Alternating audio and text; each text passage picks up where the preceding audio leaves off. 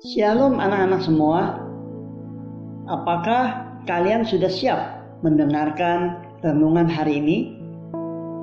Renungan hari ini berjudul Tuhan sumber damai sejahteraku dari 2 Tesalonika 3 ayat 16. Hentikan, teriak Tina.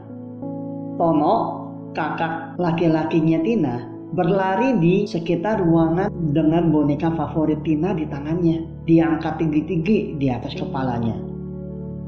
Tidak, sampai kamu mengembalikan mobil remote controlku, Tono balas berteriak. Aku hanya melihatnya, kata Tina membela diri. Tidak ada yang salah dengan itu kan? Aku tidak pernah memberimu izin untuk menyentuhnya, teriak Tono. Saya tidak ingin kamu mengambil dengan sembarangan. Kembalikan sekarang. Pernahkah kamu berdebat seperti itu dengan saudaramu? Mungkin dengan saudara laki-laki atau saudara perempuan atau orang tua atau teman. Karena kamu berdua menginginkan jalan kamu sendiri ketidaksepakatan dan saling menyalahkan itu terus berlanjut hingga akhirnya ada yang mengalah. Tetapi apakah Tuhan menginginkan kita selalu seperti itu? Tentu tidak.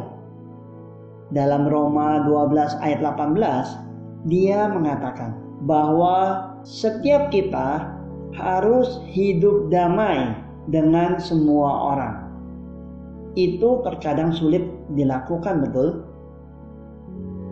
Saudara dan teman kamu tidak selalu ingin damai. Terkadang mereka dengan sengaja melakukan hal-hal yang mengganggu kamu atau memulai pertengkaran dengan kamu. Tetapi kamu harus ingat untuk datang kepada Tuhan, sumber damai sejati.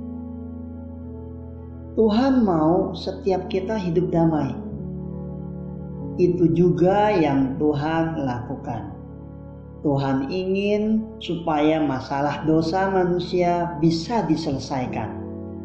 Dia ingin membawa kedamaian ke dunia melalui putranya Yesus, Raja Damai. Dari Yohanes 14 ayat 27 berkata bahwa dia memberikan kedamaian kepada semua orang yang memilih untuk mengikuti dia. Jika kamu bisa membawa damai di mana pun kamu berada, maka kamu akan membantu orang lain melihat dan merasakan kedamaian dari Tuhan. Mereka bisa merasakan kasih Tuhan melalui dirimu. Mari kita berusaha untuk membawa damai di mana pun kita berada. Damai sejahtera Allah sempurna karena Dia menciptakan damai sejahtera. Amin. Tuhan Yesus memberkati.